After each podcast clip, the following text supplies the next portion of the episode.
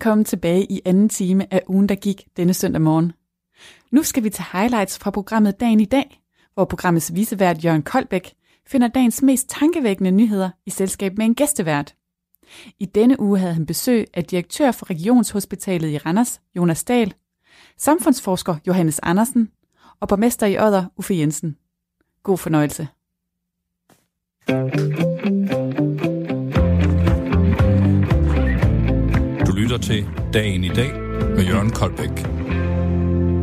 Ja, velkommen til Dagen i dag, hvor vi også her i december følger nyhedsstrømmen og laver vores helt egen personlige top 10-liste over døgnets mest tankevækkende nyheder.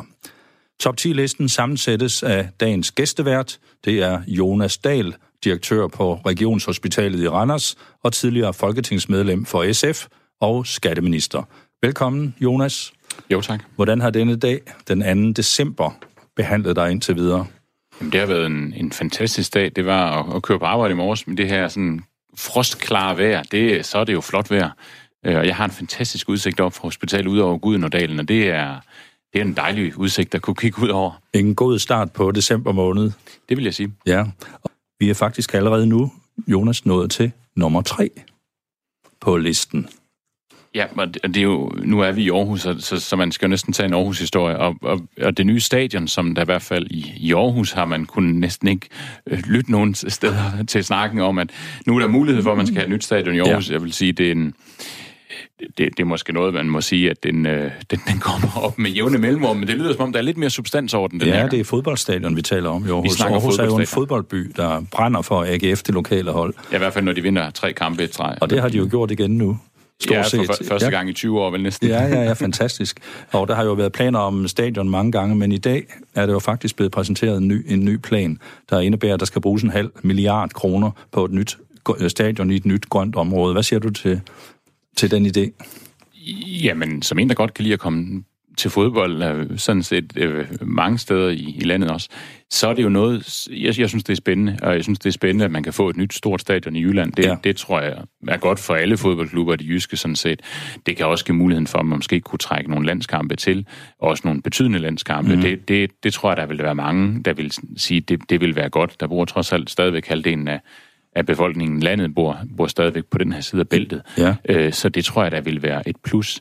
Men når jeg trækker lidt på smilebåndet, så er det jo også, fordi det er noget af det, der har været overbørt. Så har man diskuteret de her løbebaner i Aarhus. Skulle de være der? Skulle de ikke være der? Ja. Og så har man mm. gå lidt i, i studiekreds omkring det, og så er der gået nogle år, og så er der ikke sket noget. Men nu, nu tyder det på, at Sallingfondene og, og øh, Henrik Lind, som øh, solgte det her danske commodities for nogle år siden, ja. har, er villige til at lægge hver en, en kvart milliard på bordet ja. øh, til faktisk at skabe de her områder. Og og eftersom Sallingfonden er med, så tyder det også på, at vedløbsbanen er reddet. Det er jo noget af det, som har fyldt noget i, i debatten også, at der har været nogen inden for Salling, ja. som var meget interesseret i vedløbsbanen. Så det bliver da meget interessant at se, hvad det er for et forslag, der kommer op, og man må jo også sige, en, en halv milliard er jo da det er, en, det er en god som penge. Det, det kan man nok godt få et fodboldstadion for. Man kan godt få et stadion med to mål i hvert fald, tror jeg. Et, et i hver ende.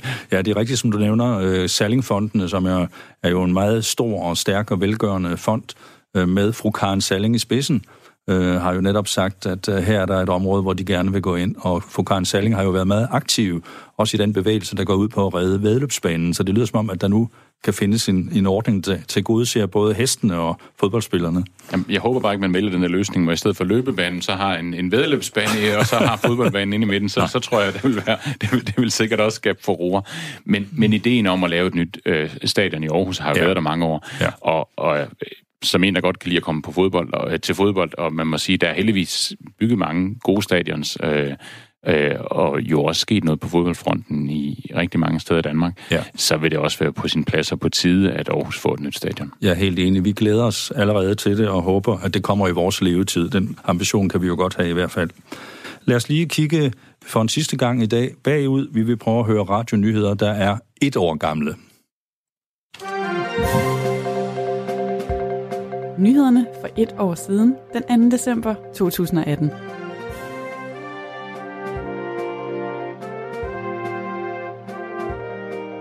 Omfanget af skader ved at benytte en koverspiral er ukendte.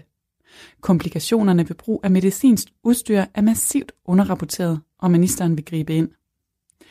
Efter massiv kritik vil landbruget stoppe aflivningen af nyfødte kalve. Flere end 23.000 kalve blev året for inden aflivet som spæde, fordi der er for dårlig økonomi i at fede dem op. Og det skal stoppes, mener landbruget. Og så var det også dagen, hvor Claus Brun Jørgensen talte ud efter tre hektiske år som træner for kvindelandsholdet i håndbold. Og han fortalte, hvordan et kritisk brev blev vendt positivt. Du har lyttet til nyhederne for et år siden, den 2. december 2018.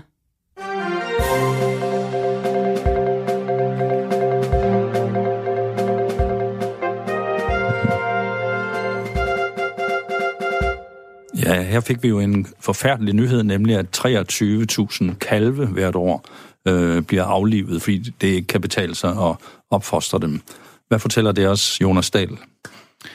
Jamen, det fortæller os jo øh, noget om, om det forbrug, vi har i, af, af kød i, i det her land, og, og fortæller måske også noget, som tror jeg kan blive noget af det, der kommer til at ændre sig med den her klimabevidsthed, og, og vi snakkede om Bjarne Korydons vegetardag ja, tidligere, ja, ja. Og, og, og jeg tror faktisk, der er mange, som lige så stille, jeg tror ikke nødvendigvis heller på, at det der med at blive vegetar fra den ene dag, det, det, det tror jeg ikke, jeg kommer til at, nej, at blive, men det her med at have nogle kødfri dage, mm. det tror jeg er sket helt ubevidst, i hvert fald hjemme hos os, øh, hvor jeg kan se, at det, det, det er så noget, der lige så stille er sket, og det er kommet i løbet af de sidste par år. Jeg tror sådan noget, nogle af de her historier om, at vi bare øh, får dyr, og så, så slår vi den bare ihjel, fordi ja.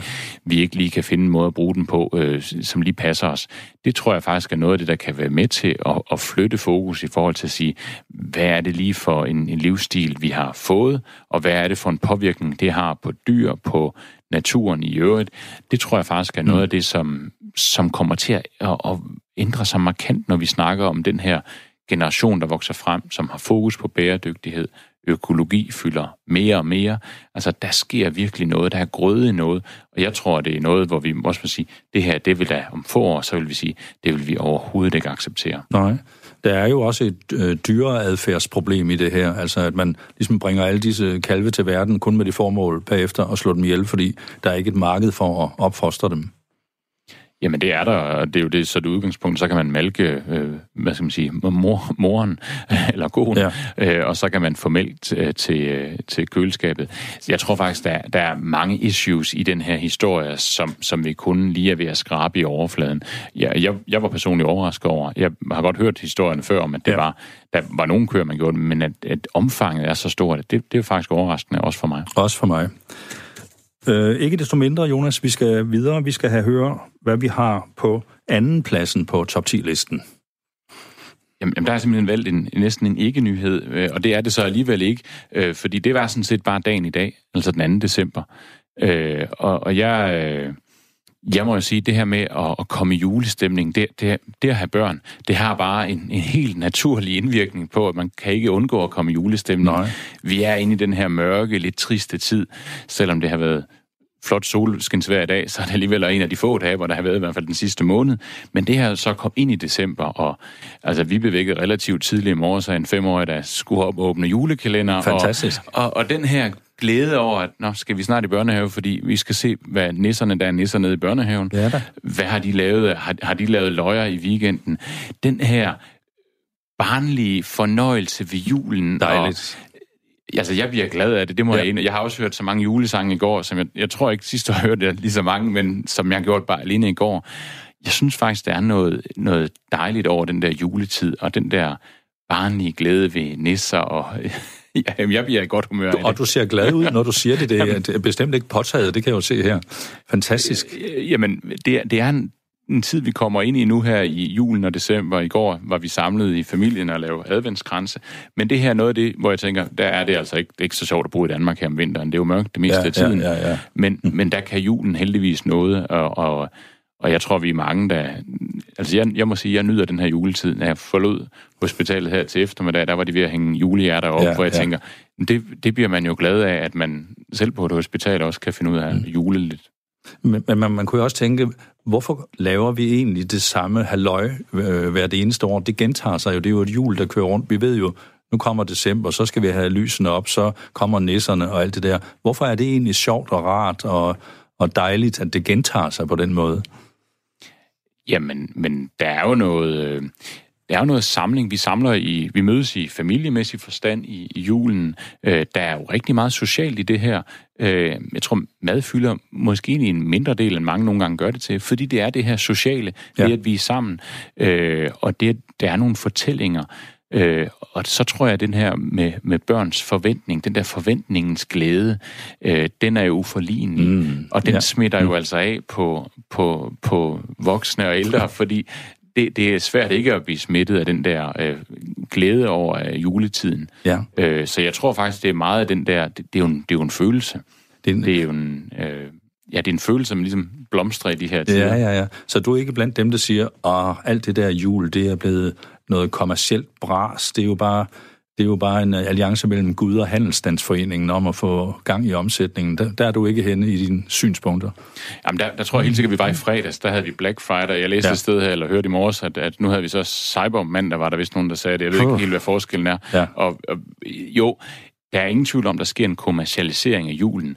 Men jeg tror stadigvæk, vil jeg sige, den her med julekalenderen at stå op og åbne den, den tror jeg, at de fleste enten kan huske, og hvis man har børn, så, så kan man i hvert fald ikke genkende til den del. Ja. Så, og det, det tror jeg faktisk, der er mange af os, der, der glæder sig over. Jeg glæder mig i hvert fald over det i den her tid. Og vi glæder os over, at du havde valgt selve dagen i dag, nemlig den 2. december, til at være nyhed.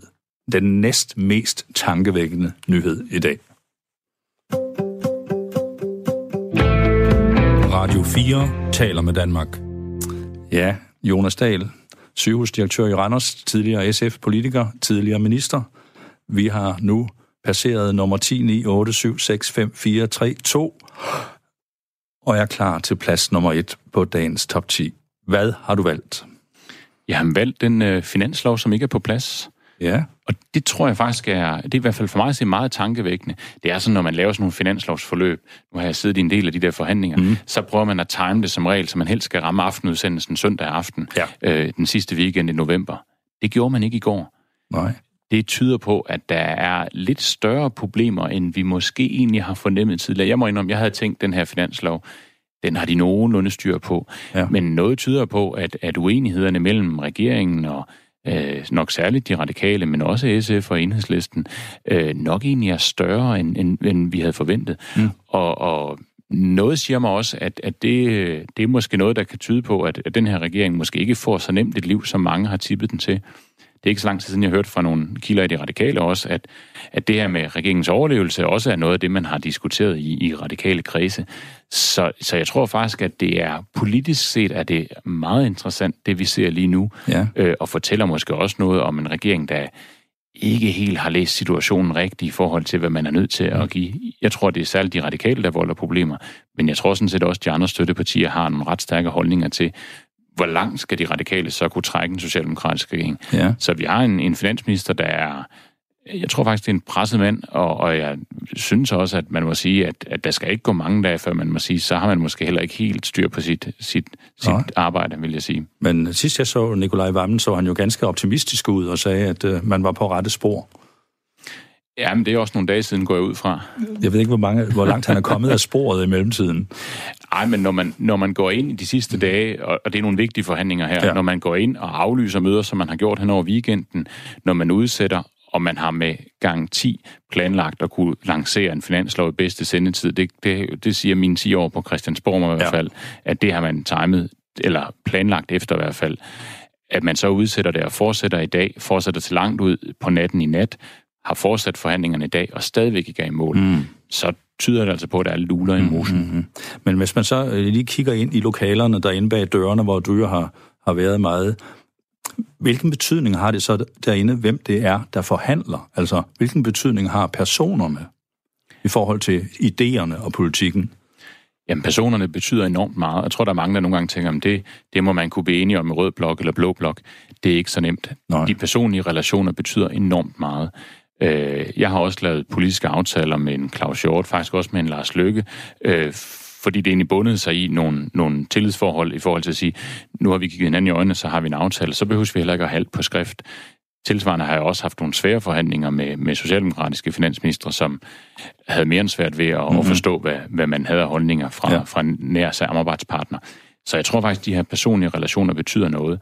Og der er jo også noget, der tyder på, at den relation, der i hvert fald tidligere har været mellem Morten Østergaard og Mette Frederiksen, som tidligere, sådan husker jeg det i hvert fald, var rimelig tæt, den ikke er så tæt længere. Aha. Øh, så der er ingen tvivl om, at der er nogle personlige forhold her, og nogle tillidsforhold, hvor der også er noget tillid, der er brudt på et tidspunkt her i løbet af det seneste års tid. Mm. Øh, det er i hvert fald det, jeg hører på vandrørene. Ja. Jamen, så er der noget, der tyder på, at, at det kan godt gøre det endnu vanskeligere, at hvis man ikke har en personlig tillid til hinanden, så gør det det markant sværere at forhandle en politisk aftale på plads. Fordi politik og politiske aftaler, det handler meget mere om tillid, end man går Ja. rundt og tror. Hvem havde du mest tillid til, da du var derinde? Var der nogle bestemte enkeltpersoner, hvor du kunne sige, når den person har med sagen at gøre, så ved vi, så holder det. Jamen, jeg har haft enormt mange øh, gode samtaler med en, Claus Hjort, som ja. var finansminister for Venstre, men jeg vidste også, når jeg havde snakket med Claus Hjort om noget, og vi havde lavet en aftale, så havde vi en aftale. Ja. Øh, og, og det er egentlig noget, jeg respekterer sådan, på det personlige plan at sige, hvis man har lavet en aftale, så vidste man også godt, at så bliver der ikke løbet fra den. Mm. Og det handler jo netop om at have en respekt for folk og, og lære hinanden at kende. Ja. Øh, men jeg heldigvis vil jeg da sige, at der er mange, jeg har haft et tillidsfuldt forhold til. Der er også nogle få, hvor jeg vil sige, der vidste jeg godt, at jeg også skulle læse det med småt, og også lige læse det dagen efter, for det kunne godt være, at der var lidt ændret. Og det er jo noget af det, der Ah. nedbryder tilliden. ja. Du skulle lige tælle fingrene, når du gik ud af lokalet, om der var hugget en enkelt af. Jo, eller, og det er måske det, der faktisk er det vigtigste, det er, når det så er blevet renskrevet. Ja. Og det er der, øh, altså, øh, djævlen ligger i detaljen, og det gør den særligt i politiske aftaler. Ja, ja, ja. Spændende. Og Jonas, jeg er jo nødt til at spørge dig, som gammel cirkushest, som vi startede med at sige i det her program, savner du savsmuldet i managen derinde, når du nu kigger tilbage i dag? Jamen, jeg kan godt savne sådan et forhandlingsmæssigt spil, øh, men jeg vil også sige, at jeg er enormt glad for det arbejde, jeg har. Det her med at, at kunne gøre en forskel for, for rigtig mange medarbejdere, og, Ja. og være med til at skabe en god arbejdsplads, og forhåbentlig også skabe nogle gode patientforløb for de borgere, som vi er i kontakt med. Det giver mig også en stor daglig glæde, Ja, ja. Men du, du følger det alligevel øh, på skærmen og øh, på din iPad, det der sker i løbet af sådan en dag her. Jeg følger det tæt, fordi det kan jo også have en indflydelse ind i sundhedsvæsenet. Det er Ja. klart, skal der være 1000 ekstra sygeplejersker, som nogen Ja. har været ude at sige, eller skal der ikke? Det er jo noget af det, der kan få en betydning ind i også en økonomisk planlægning i et budget, som vi sidder lige på nippet til at sætte det sidste punktum på. Så det er da klart, det har jo en indflydelse også i, i min dagligdag, og hvordan er det, vi får planlagt. Så vi, vi lytter jo også til, hvad det er for nogle politiske signaler, der kommer Selvfølgelig. såvel fra regionsrådet som fra Christiansborg, fordi vi er nødt til at, at pejle os ind, og når der så kommer et signal til højre eller venstre, jamen så, så, så er det det, vi gør. Sådan er det jo som at være, at være embedsmand, og det er det, jeg er nu. Nu er du embedsmand, før var du politiker, nu er du på den anden side af bordet, og jeg går ud fra, at du håber på en rimelig hurtig aftale, Det vil være godt, og det vil være godt også for, for både politikerne og Danmark. og for sygehuset i Randers.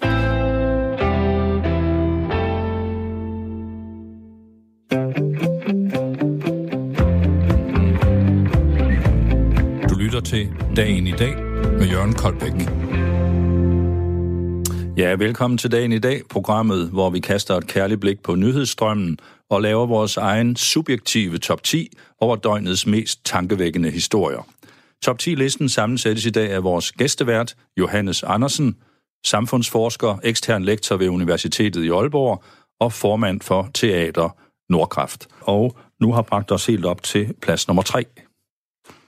Hvad finder vi der, Ja, Johannes? tre, vi fortsætter bare. Jeg kunne godt høre, at du var ved at skære mig af der, men Nå, øh, ja. jeg tog straks tredjepladsen med i brug også. Sådan. Slem luftforurening i det røgindhyldede Sydney og omegn. Det bliver ved. Og nu er vi endnu en gang i gang med en brand, brand i den sydlige øh, halvdel af vores klode. Ja. Og det er jo del med rigtig, rigtig uhyggeligt at, at både se og høre om de ting, der foregår der.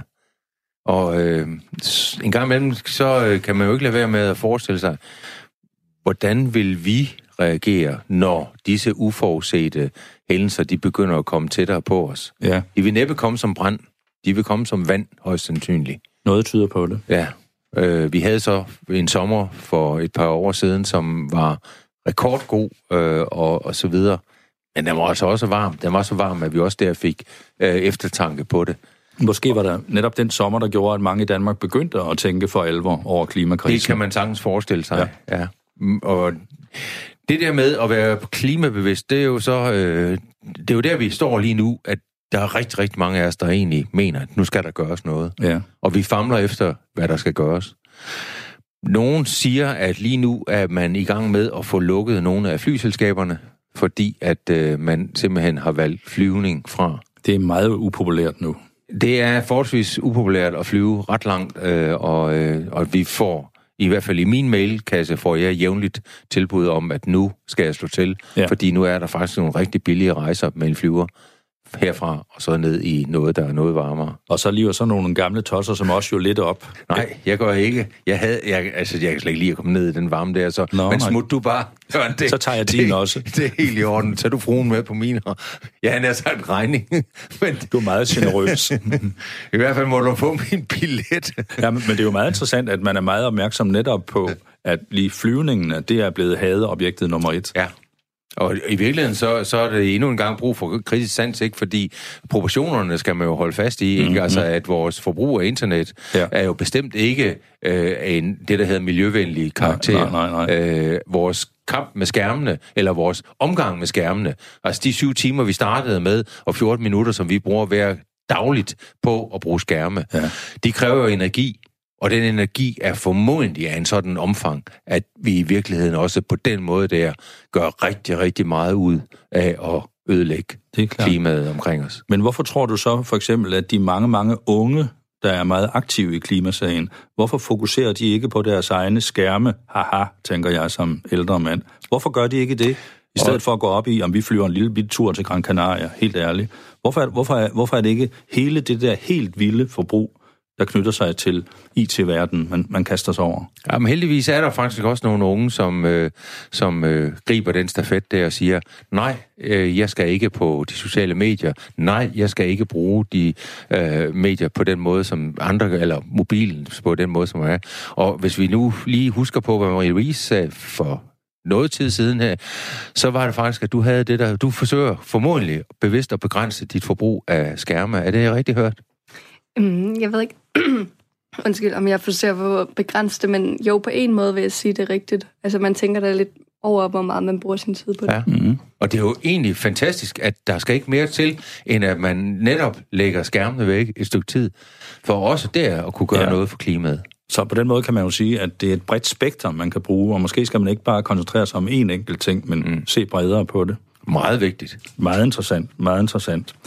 Vi er kommet til det punkt, hvor vi lige vil høre, hvad der var af nyheder for et år siden. Nyhederne for et år siden, den 3. december 2018.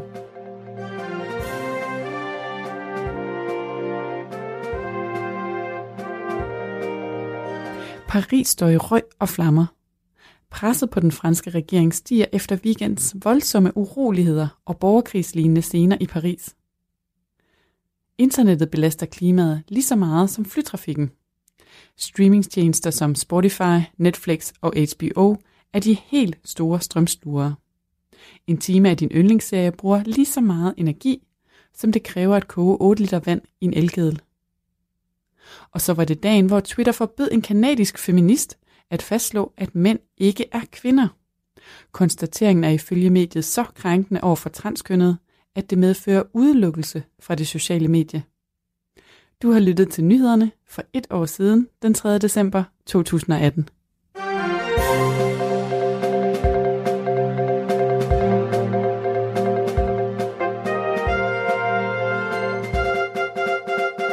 Ja, spændende Johannes at høre, at øh, man allerede for et år siden var lidt inde på de tankegange, som du videreudviklede for os her i dag. Ja, det er rigtig fint at høre, fordi så er det i hvert fald nogen af os, der kan huske. Ja, og du kan, kunne i virkeligheden godt huske, at du har Ja. hørt det dengang. Men, Det må, det må hænge sådan sammen. men det kan ikke være andet. Det kan også være, fordi det har, det har taget meget, meget mere fart siden Man, dengang. jeg, jeg tror det. Øh, og hvis jeg skal være ærlig.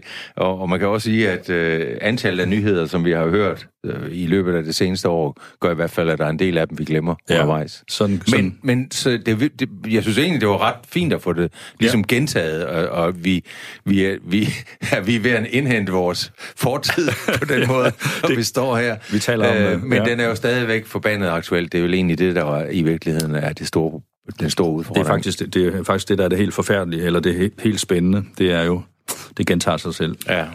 Johannes Andersen, plads nummer to på top 10-listen. Hvad finder vi der? Mand dræbt af skud i Malmø. Ja. Øh, og øh, det er jo så en, en, endnu et udtryk for, at man i Sverige har en rimelig barsk konflikt kørende i Malmø, hvor, øh, hvor øh, der er ingen tvivl om, at øh, bander med øh, udenlandsk øh, baggrund, Mm. De haver i nogle kvarterer. Ja. Det er i hvert fald det, der er pointen. Når jeg har taget den med, så er det fordi, jeg synes, at øh, den diskussion, de har i Sverige, øh, nemlig ført an af på den ene side Stefan Löfven, som, øh, øh, som øh, siger, at øh, når folk opfører sig på den måde der, Ja. så er det fordi, de er socialt troede. Statsministeren. Ja, Ja. ja. Øh, og, og det perspektiv, det er, at der er en samfundsmæssig, en social kontekst en, øh, på mange måder øh, i hele sin kompleksitet, som betinger, at nogle mennesker i større udstrækning end øh, andre vælger at løse deres problemer ved hjælp af vold. Ja.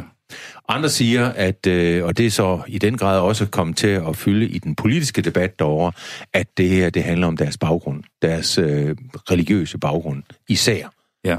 Og det vil sige, at man, de synspunkter, som vi har haft i Danmark, og som har kørt mm. rigtig, rigtig længe, og vi er landet i den situation, at nu behøver vi ikke at diskutere det længere. Der er ikke rigtig nogen, der har, han har sagt, fantasi til at forestille sig, at der kan være social Mm. grunde til, at øh, muslimer i forskellige ja. sammenhæng, at de reagerer en lille smule mere, øh, hvad skal man sige, radikalt end mm-hmm. andre sammenhæng.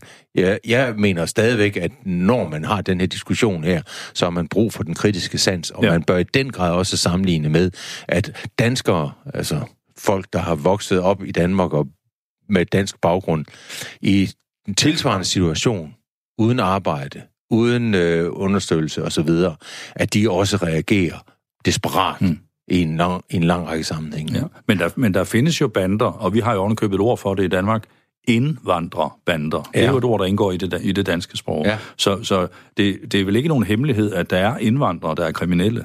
Eh, slet ikke, nej. Og det, fordi der er ikke nogen hemmelighed, at der er indvandrere, der lever under usle sociale forhold. Mm. Ligesom der er danskere, der lever under usle sociale forhold.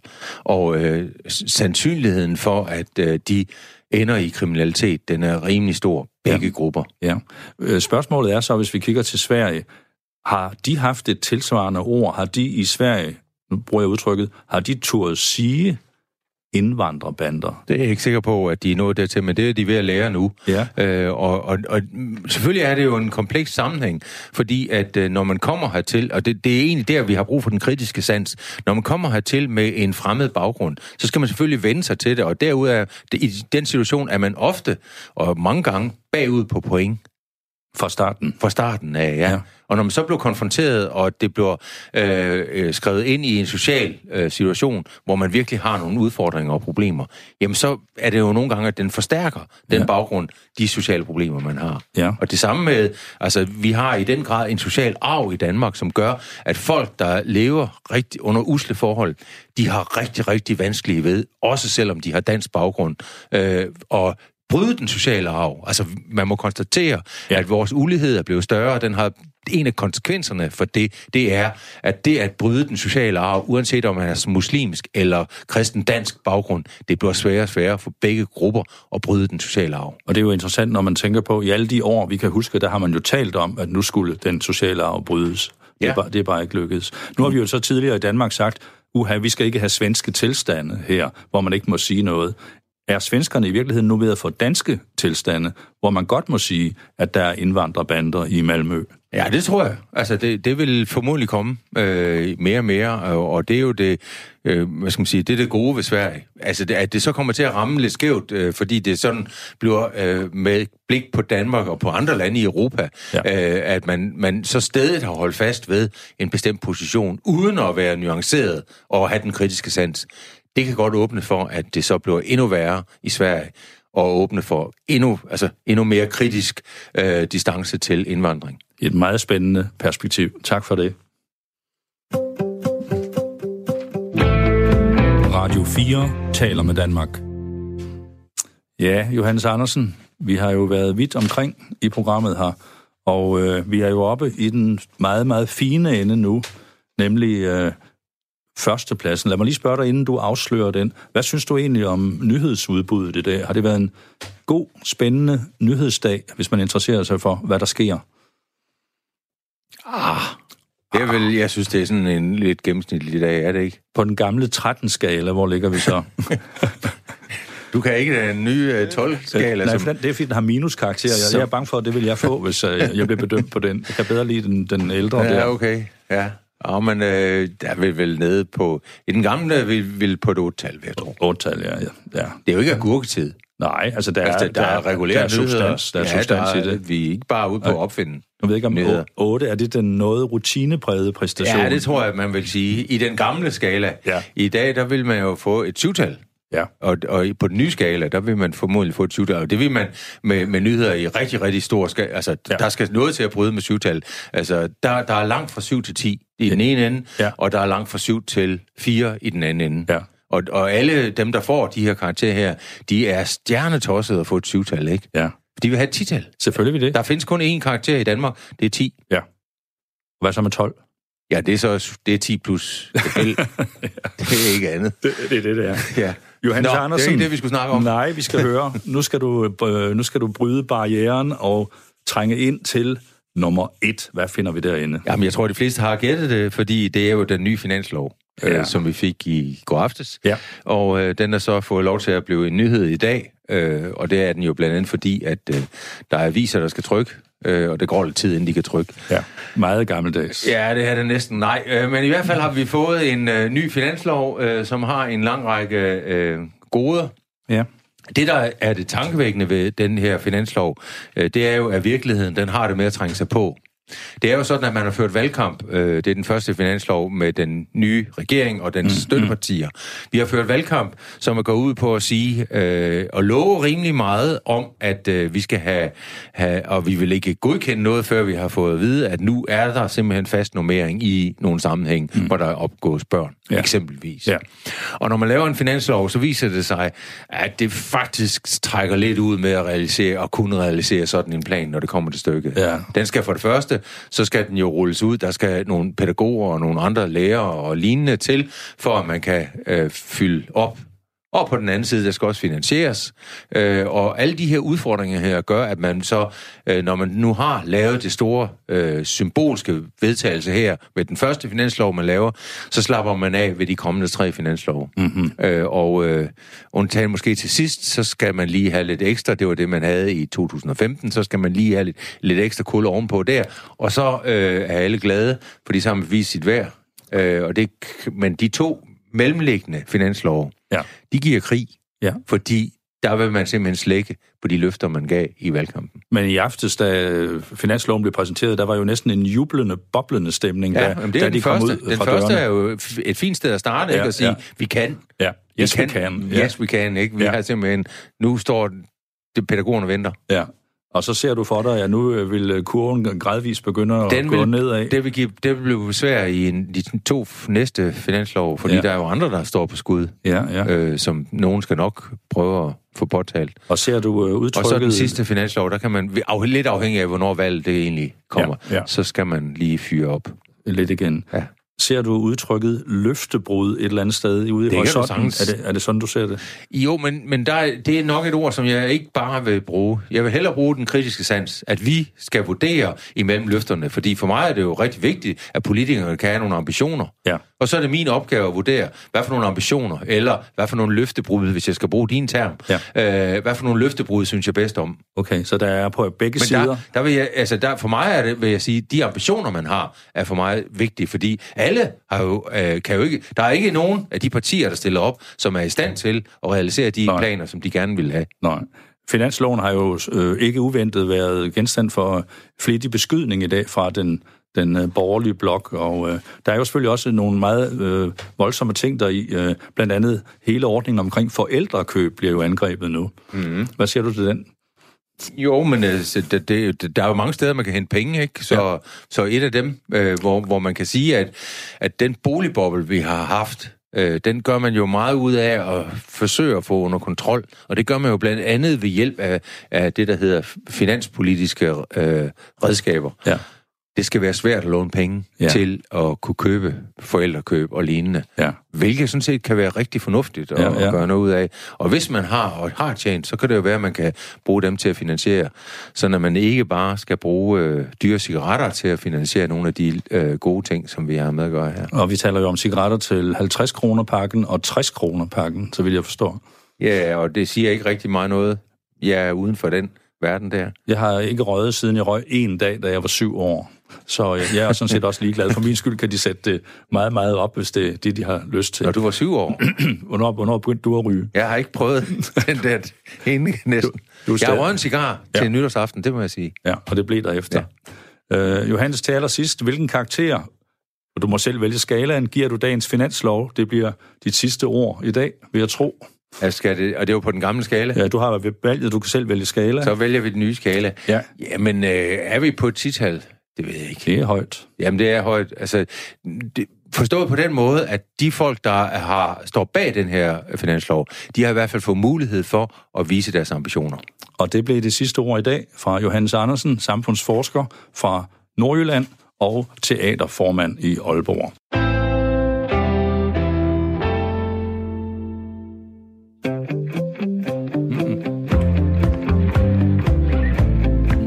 Til Dagen i dag med Jørgen Koldbæk.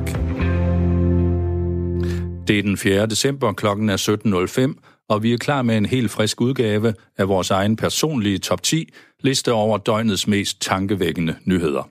Top 10-listen sammensættes af dagens gæstevært. Det er Uffe Jensen, tidligere politimand og siden 2013 borgmester i Odder Kommune i Østjylland. Velkommen, Uffe Jensen, her i studiet. Du kommer direkte fra Odder til Aarhus. Hvordan er du kommet herind? Jeg har taget letbanen. Den berømte letbane. Den berømte letbane, og det er en rigtig dejlig letbane, som øh, jeg har kørt med adskillige mange gange. Ja. Og det har altid været punktligt til tiden. Også øh, vejrudsigter og frost til trods, så har den været dejlig at køre med, også Du, i dag. du er en fortaler for letbanen, fordi den starter eller slutter jo afhængig af, hvordan man ser det i Odder. Mm-hmm. Det er en kæmpe gevinst for Odder Kommune, at øh, vi har fået letbanen. Ja. Altså nærheden til Aarhus, og hvordan vi bliver bundet sammen med Aarhus, og de muligheder, der er her i, i byen, hvor vi står lige nu, jamen det er et kæmpe boost og gevinst for Odder ja. Hvordan har dagen ellers behandlet dig i dag? Den har behandlet mig godt. Den øh, startede klokken 6 i morges, der ringede væk der. Så Tidligt, tidligt. tidlig i morges her. Og så bad og kaffe og mine sædvanlige aviser, inden at jeg så tog på job, og så har jeg haft øh, telefonmøder og sådan noget fra klokken halv otte, og så er det sådan gået slag i slag med, Ja. møder gennem dagen, indtil jeg tog letbanen til Aarhus. Det er jo en borgmesters øh, lod går jeg ud fra, det er at holde møder. Mm. Rigtig mange møder, ja. det er det. Det har, det har du sikkert opdaget, og du har jo foretaget noget af et spring, fordi du var politiassistent i afdelingen for personfarlig kriminalitet hos Østjyllands politi, og øh, Uffe, du er jo godt på vej op af top 10-listen nu, og er nået til tredjepladsen. Mm-hmm. Hvad har du til os der? Men nu havde vi en rigtig god nyhed på fjerdepladsen, så må jeg sige, så har jeg en tilsvarende dårlig på tredjepladsen, fordi at... Øh, Åh. Ja, desværre. Men øh, meget tankevækkende er, fordi de seneste 30 år, så har der ikke været så mange børn i verden, der har akut behov for hjælp, som det er i dag. Nej. Faktisk øh, så viser en undersøgelse for UNICEF, at øh, 59 millioner børn fordelt på 64 lande, de har brug for hjælp på grund af krig eller katastrofer i 2020. Det er jo næsten ikke til at holde ud at høre. 30 millioner. Ja, det er jo næsten ikke til at forstå. Hvordan, hvordan kan det gå til? Jamen, øh, det forstår man jo heller ikke. Nej. Og så øh, er det jo faktisk øh, retteligt 59 øh, millioner børn, Ja, øh, som har brug for hjælp de næste år som følge af krig eller katastrofer. Ja. Og det er jo bare et eksempel på, at øh, der er alt for meget krig og ufred i hele vores øh, verden. ja, Alt for mange katastrofer, øh, ja. som ikke øh, bliver håndteret ordentligt, og som jo sker også på grund af klimaforandringer, så det vender vi tilbage til lidt senere på listen her. ja, men, ja.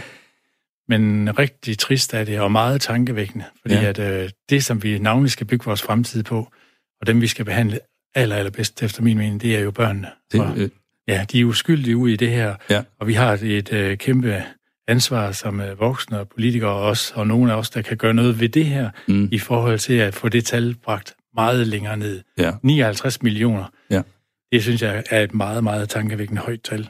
Og man kan jo sige, som jeg forstår det, det er ikke kun tale om, at det er børn, der sulter, men det er jo børn, der på en eller anden måde opholder sig i områder med konflikter af forskellige art. Der er så mange konflikter i gang så mange steder på kloden, og det kan jo ikke undgå at berøre børnene. Nej, det er præcis. Altså, det er jo krige og katastrofer. Ja, Og det er jo, øh, det ved alle lytterne jo også, at vi, uanset det, hvor vi kigger ind på kloden, så er der ufred og krig, ja, øh, desværre. Og det, det er jo forståeligt, at øh, vi kan blive ved med at bruge så mange penge på militær og oprustning i forhold til at sikre fred. Fordi det er jo dybt set det, der er formålet med at, at bruge pengene på militæret, men hvor er det bare sørgeligt at ja, ja. at sige, at øh, det er en evig aktuel øh, dagsorden, som så har de her konsekvenser for nu i 2020, ja. op mod 59 millioner Ja, børn. det er jo ikke til at forstå. Nu kan man jo sige, mm, vi taler jo jævnligt om, at uh, der også er børnefattigdom i Danmark. Der er jo i hvert fald nogle børn, der er fattigere end andre børn i Danmark. Men det er dog trods alt ikke i Danmark, at man sulter, og der er krig. Hvad kan vi egentlig som danskere gøre ved det her? Jamen det, at man øh, jo hjælper, altså det gør Danmark jo også, øh, jeg havde nær sagt worldwide, med ja. humanitære indsatser og nogle gange også militære, øh, for at hjælpe de steder, hvor der opstår katastrofer og indsatser, der gør, at der er behov for hjælp, at hvor vi mm. rykker sammen i bussen, om jeg så må sige, hvor mange lande bakker op omkring lande, når der har været orkaner, og så ja, senest ja. på Filippinerne, hvor er jo, at det er afgørende vigtigt, at landene de selvfølgelig er deres ansvar bevidst og sender hjælp Øh, sådan så det land, som jo nu tilfældigvis bliver ramt af orkan, hvis det er det, ja. at øh, også får hjælpen fra, fra de andre lande, som er i stand til det, og som har råd til at betale. Der er Danmark jo blandt de rigeste i verden. Mm. Og selvfølgelig skal, har vi et kæmpe ansvar i forhold til, hvad der sker ude i verden. Ja. Og det noterer jeg også med stor glæde og tilfredshed, at det er vi også et ansvar, vi er mm. bevidst at leve op til. Mm. Men jeg tænker, når du står i Odder og kigger ud over byen og ser på dine bysbørn, kan det så ikke forekomme at være meget langt væk, det der sker ude i den der forfærdelige verden? Ja, det kan det godt, men jeg tænker, at øh, Odder er en del af hele verden. Altså, vi er en del af Danmark, og vi er en del af Europa. Og jeg er stor tilhænger af, at øh, tiden er til, at øh, vi holder sammen op på, på tværs, altså med EU og NATO og i alle mulige andre sammenhænge, at øh, vi skal ikke gå soloveje, vi skal derimod holde sammen og styrke fællesskabet. Det, det er det, vi har som øh, opgave. Ja. At være gode til at bakke op, når der er nogen, der har det svært, og så hjælpe dem, altså dem, der har hjælp behov. Ja. Øh, det snakker vi om nu her i krig og i relation til katastrofer, at øh, der skal vi selvfølgelig hjælpe, og der har vi et ansvar, og det skal vi leve op til. Og det vil vi prøve at gøre, både i Odder og hvor vi ellers befinder os. Ja, vi har et enkelt tilbageblik øh, endnu her i vores program, og det er nyheder fra radioen, som er et år gamle. Nyhederne for et år siden, den 4. december 2018.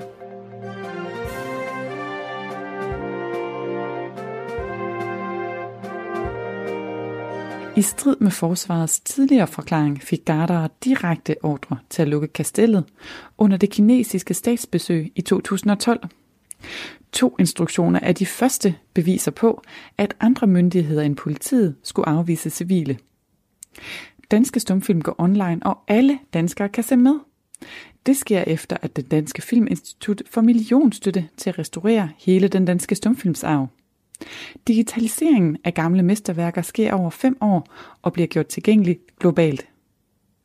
Og så var det dagen, hvor et ganske særligt værk udkom, nemlig bogen Kim Larsen, Mine unge år, som er en lang monolog. Du har lyttet til nyhederne for et år siden, den 4. december 2018.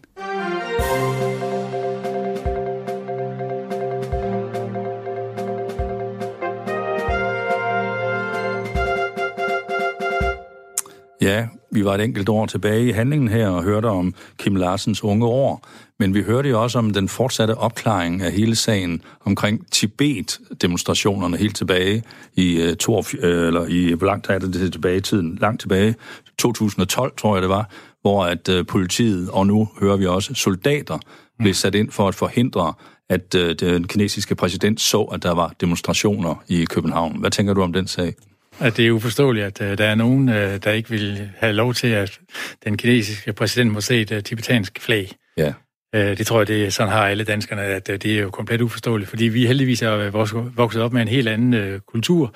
Vi er vant til, at man må gerne demonstrere selvfølgelig med lovlige ting og midler og gerne give udtryk for øh, mishagsytringer og forskellige ting, som man ikke er enig med magthaverne i, og det synes jeg, det er rigtig fint, og sådan skal det være. Ja. Øh, og så at man så kan forhindre nogen i noget så uskyldigt som at se et øh, nationsflag. Ja. Ja, det må jeg om, det går noget over min forstand. Hvad synes du om politiets rolle i den sag? Ja, jeg synes jo, den er uheldig, og jeg ved også, at jeg er faktisk ikke engang sikker på, at den er afsluttet, men der er i hvert fald øh, undersøgelser i den uafhængige politiklærer enighed, øh, som har en opgave i forhold til, hvad politiets rolle har været i det her, om der er nogen, der har gjort noget, de ikke må. Ja. Øh, ja. Der har været en strid omkring, om der er givet ordre, eller der ikke er givet ordre. Men, øh, og jeg ved jo ikke, hvem der har gjort hvad af gode grunde, men alligevel så vil jeg bare sige, at øh, fordi der går nogle harmløse mennesker på et fortog med ja, et flag, ja, ja, ja. uanset hvilket land de kommer fra, eller hvad der måtte stå på bannerne i øvrigt, ja. øh, så kan man jo som dansker, og jeg kan i hvert fald slet ikke forstå, at øh, man ikke må have lov til at se det, fordi man kører forbi i en kæmpe skudsikker bil, hvis man kommer fra Kina, eller hvor man nu er præsident fra at besøge København eller Danmark. Det holder simpelthen ikke. Nej, det duer ikke, altså. Nej. Vi har også haft øh, demonstrationer foran Rådhuset i Odder, og det, det skal jeg have været ude og snakke med demonstranterne, hvis man ja. kan kalde det på det. Men uh, de, man skal have lov til at give udtryk for, hvad man mener, og hvis man ikke er enig med dem, som øh, er magthaver eller politikere, ja. så skal vi selvfølgelig også kan tåle at blive sagt imod, og at man skal lave demonstrationer med lovlige ting. Sådan, sådan er det. Ja.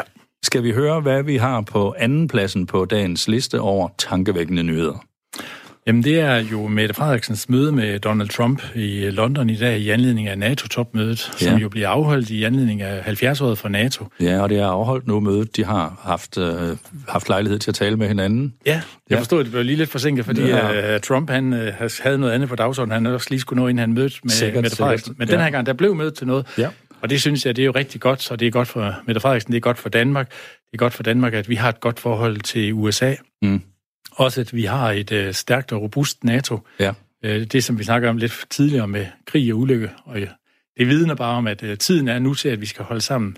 Ja. I EU og også, øh, nu snakker vi så NATO, og ja. helt sikkert også øh, i forbindelse med, at vi nu fejrer 70 år for NATO, mm. som jo opstod på baggrund af krig, og egentlig er jo sat i verden for at forhindre, at der kommer krig igen, ikke? Altså, ja. med at øh, vi skulle holde amerikanerne inde i varmen, og russerne ude og tyskerne nede, som jeg tror nok, der er en tidligere generalsekretær, der har formuleret det i forbindelse med, med NATO's etablering. Og nu kan man jo sige, at det er meget tankevækkende, fordi at, øh, det er i hvert fald meget aktuelt med russerne. Ja. Og det er også aktuelt med at holde amerikanerne inde med de forskellige skiftende meldinger, der kommer fra Trump. Det må man, det må man sige. Og tyskerne, de skal hellere op end uh, ned, tænker jeg. Så uh, ja. der er alle mulige grunde til at bakke op omkring NATO, og jeg mm. synes, at det er super godt, at Mette Frederiksen i dag har haft møde med Donald Trump. Ja, og øh, som venstremand går jeg ud fra, at, øh, og det fremgår også af det, du siger, at du er vel nærmest en glødende NATO-tilhænger. Ja, det, jeg tænker, at for Danmark, der er der ingen tvivl om, at øh, det, det skal vi selvfølgelig være en del af. Ja. Det betyder rigtig meget, at vi yder vores bidrag til fællesskabet og er med til at forsvare, hvis der er nogle lande, der bliver angrebet. Ja. Og jeg ved godt, at der er mange konfliktfyldte spørgsmål i det her dilemmaer, men helt grundlæggende, det som NATO er sat i, i verden for, så vil jeg sige, at så er der ingen tvivl for mig om, at Danmark skal bevare deres NATO-medlemskab, mm-hmm. og vi skal også uh, gerne styrke det, fordi ja. det viser al erfaring, at uh, har man uh, solopræstationer i verden, så går det galt, så det er mm. tid til at, at holde sammen. Men uh, der er jo nogen, der synes, at det er øh, forkasteligt at bruge alle de penge på militæret. Og, øh, og Donald Trump, han er jo meget skarp. Han siger jo, at øh, NATO-medlemmerne, de må bøtte mere i kassen, og mm. vi skal op på 2% af, af vores bruttonationalprodukter, og vi skal virkelig tage os sammen. Hvad, hvad, er du enig i det, han siger der? Jamen, øh, jeg har jo noteret mig, at uh, Mette Frederiksen også har været ude med en melding om, at Danmark de vil også øge deres indsats op i det arktiske ja, Grønland område i forhold til at, at plise den amerikanske præsident, fordi uh, øh, 2% af bruttonationalproduktet mm. i Danmark, det er jo rigtig mange penge. Det er den samme procentsats for alle landene. Ja. Uh, nogle af dem lever op til, de fleste gør ikke. Nej. Desværre kan man jo sige, at det er nødvendigt. Altså, det viser det er jo desværre med alt det, der foregår rundt om i verden med, med krig og ufred. Ja. At vi kan ikke undvære NATO. Nej. Så jeg er jo en af, af dem, som er tilhængere af, at Danmark selvfølgelig også øh, kommer op på sigt. Det, at, at, vi, betaler, vi betaler noget mere, ja, simpelthen. Vi, vi skal betale noget mere til vi, NATO. Vi skal betale et højere kontingent for at være med i den organisation. Ja. Det er hermed noteret, og hermed fik vi anden pladsen på plads på vores top 10-liste, nemlig Mette Frederiksen og Donald Trump. Radio 4 taler med Danmark. Ja, og vi taler med Uffe Jensen, der er borgmester i Odder. Hvis vi nu kigger på de nyheder, du har hæftet dig ved her i dag, Uffe, hvad vil du sige? Er det en dag med store nyheder, eller en dag med sådan lidt almindelige nyheder, eller er det en nyhedsfattig dag, vi har været igennem? Nej, der har været mange nyheder jo også i dag. Altså, der har også været mange ud over dem, øh, som vi har nævnt her. Ja. Øh, og jeg har jo læst øh, flere aviser også. Og jeg kan generelt rigtig godt lide at læse aviser og følge med i nyhederne. Der går meget op i, hvad der sker, både i Danmark, men også i verden ja. øh, omkring os. Så, øh, så der er jo, det har ikke været svært at, at finde nogle ting, og, og ligesom at skulle have ind på listen her. Det, her. det ja. har været svært med, med de mange ting, som øh, er blevet skåret fra. Ja, ja. Det er godt at høre. Er du en, der læser papiraviser, eller har du forladt det punkt? Jeg er jo en af de gamle, der elsker at sidde om morgenen med kaffe i koppen og drikke en del kopper kaffe, inden at jeg forlader hjemmet, og ja. så sidder jeg og bladrer et par aviser. Ja. Hver eneste morgen, inden at øh, jeg tager på arbejde. Ja. Øh, og det gør jeg faktisk også nogle gange, øh, hvis jeg skal til København eller til møder, så er jeg en af dem, som er der nok mange, der vil tænke, hmm, hvad er han for en fyr? Ja. Men som står for tidligt op for at sidde og få kaffe og læse aviser. Og det kan så godt nogle gange være klokken 5 om morgenen, så det er en skidt dag for mig, hvis avisbuddet ja. undtagelsesvis ikke kommer tidligt, eller Om natten plejer det at være med, med aviserne. De bliver jo leveret i postkassen. Det er jo det. Jeg synes faktisk, det er rigtig dejligt at gå ud og hente aviserne om morgenen i, i postkassen. Og også nogle gange øh, klokken 5 om morgenen. Dejligt at møde en rigtig tilhænger af den gode gamle papiravis. Mm. Og Uffe Jensen, nu er sandhedens øjeblik inde. Hvad er dagens mest tankevækkende nyhed? Jamen, det er jo historien om, at øh, den globale udledning af CO2 for fossile brændstoffer sendt steg til rekordhøjt niveau i år. Ja. Altså her i 2019. Der er en ja. artikel omkring i dag. Øh, det, der så bare er godt faktisk rigtig dejligt, og det er derfor, jeg sådan set har valgt den som øh, min nummer et, det er, at rapporten den viser også gode takter, fordi at udledningen fra industrien, den står til at stige med 0,6 procent i år, og det er langt mindre stigning end sidste år ja. hvor den faktisk steg med 2,1 procent. Og så formåede både USA og EU-landene i år at skære ned på deres udledning af CO2, og Indien og har også haft en meget lavere udledning, end man havde ja, mm. frygtet. Så det er en slags uh, dobbeltsidet historie, hvor man på den ene side må sige, at, ud, at udledningerne er steget, men den gode nyhed er, at de ikke steget så meget, som man troede, og nogle steder er de ovenikøbet øh, gået ned.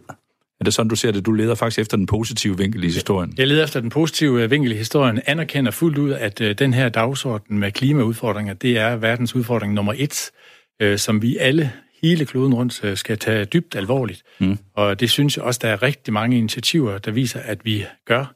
Ja. Langt om længe kan man måske sige, at vi vågnet op til død og begynder nu at, at handle og gøre noget.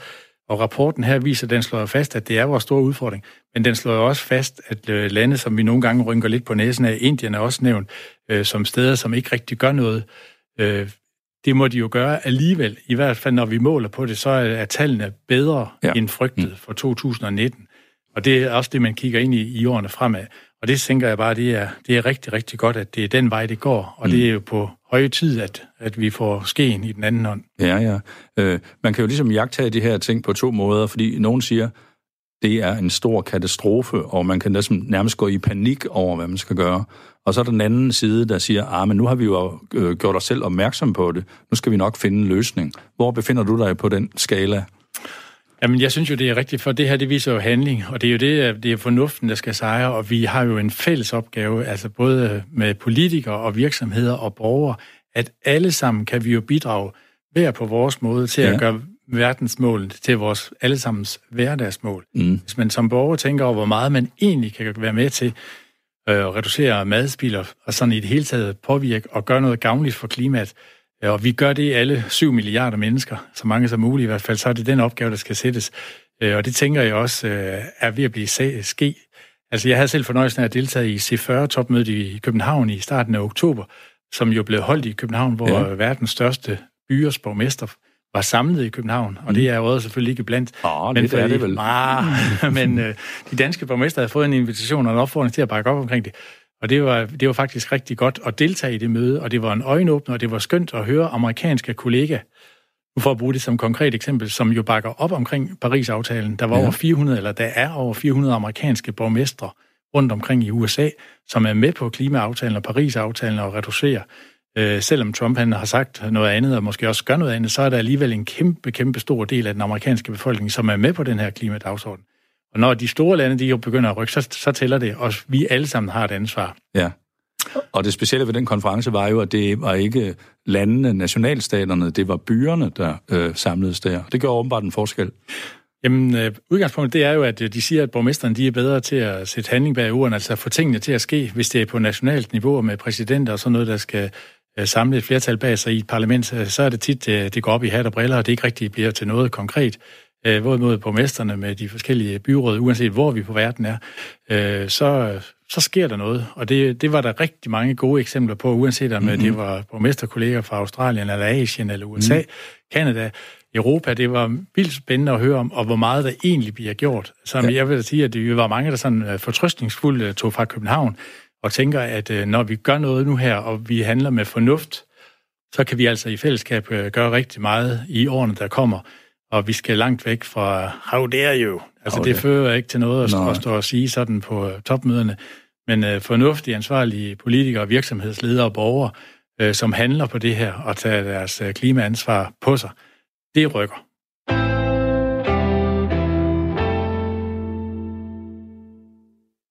Så fik vi samlet op på denne uges tankevækkende nyheder. Dagen i dag kan høres her på kanalen mandag til torsdag kl. 17-18. Nu må du nyde resten af din søndag. Det er blevet tid til weekendmorgen.